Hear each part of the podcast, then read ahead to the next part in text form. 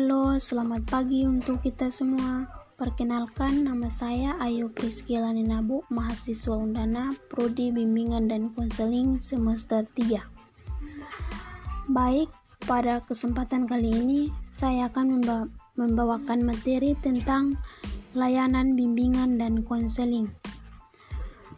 Pertama-tama kita akan mengetahui terlebih dahulu tentang apa itu bimbingan dan konseling.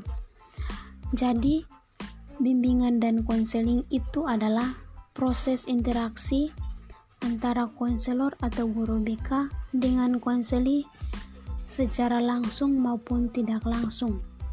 Maksudnya di sini itu guru BK membantu siswa untuk menyelesaikan masalahnya.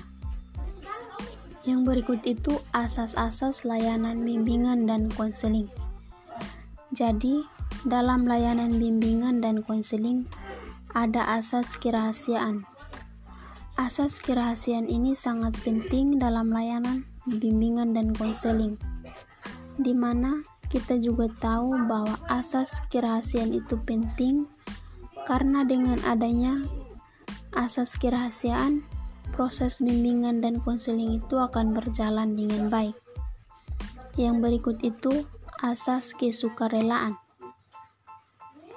Dalam proses bimbingan dan konseling harus ada asas kesukarelaan, di mana klien atau siswa datang kepada guru bimbingan konseling tanpa pemaksaan dari orang tua, teman, ataupun keluarga. Yang berikut asas keterbukaan. Dalam pelaksanaan bimbingan dan konseling harus ada yang namanya keterbukaan dari klien ataupun konselor sehingga masalah yang dihadapi oleh klien cepat terselesaikan.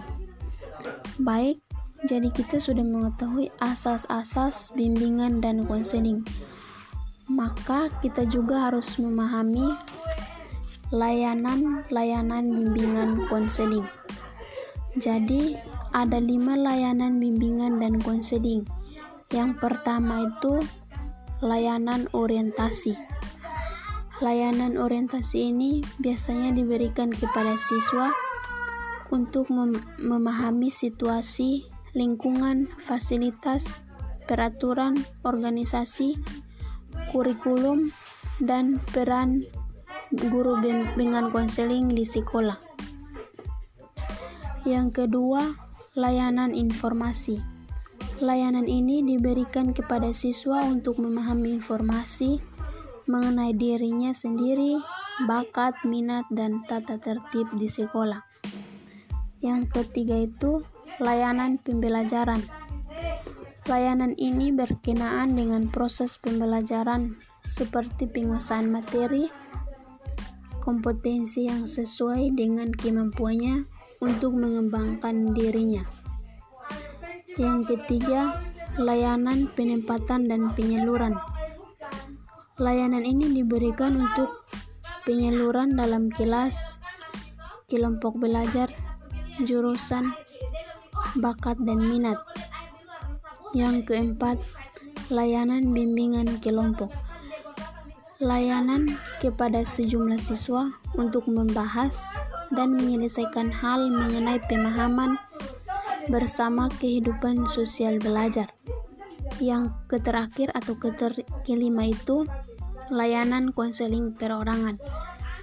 Layanan konseling perorangan itu layanan yang diberikan oleh guru BK kepada siswa secara individu atau perorangan untuk menyelesaikan masalah pribadi yang ada pada dirinya sendiri.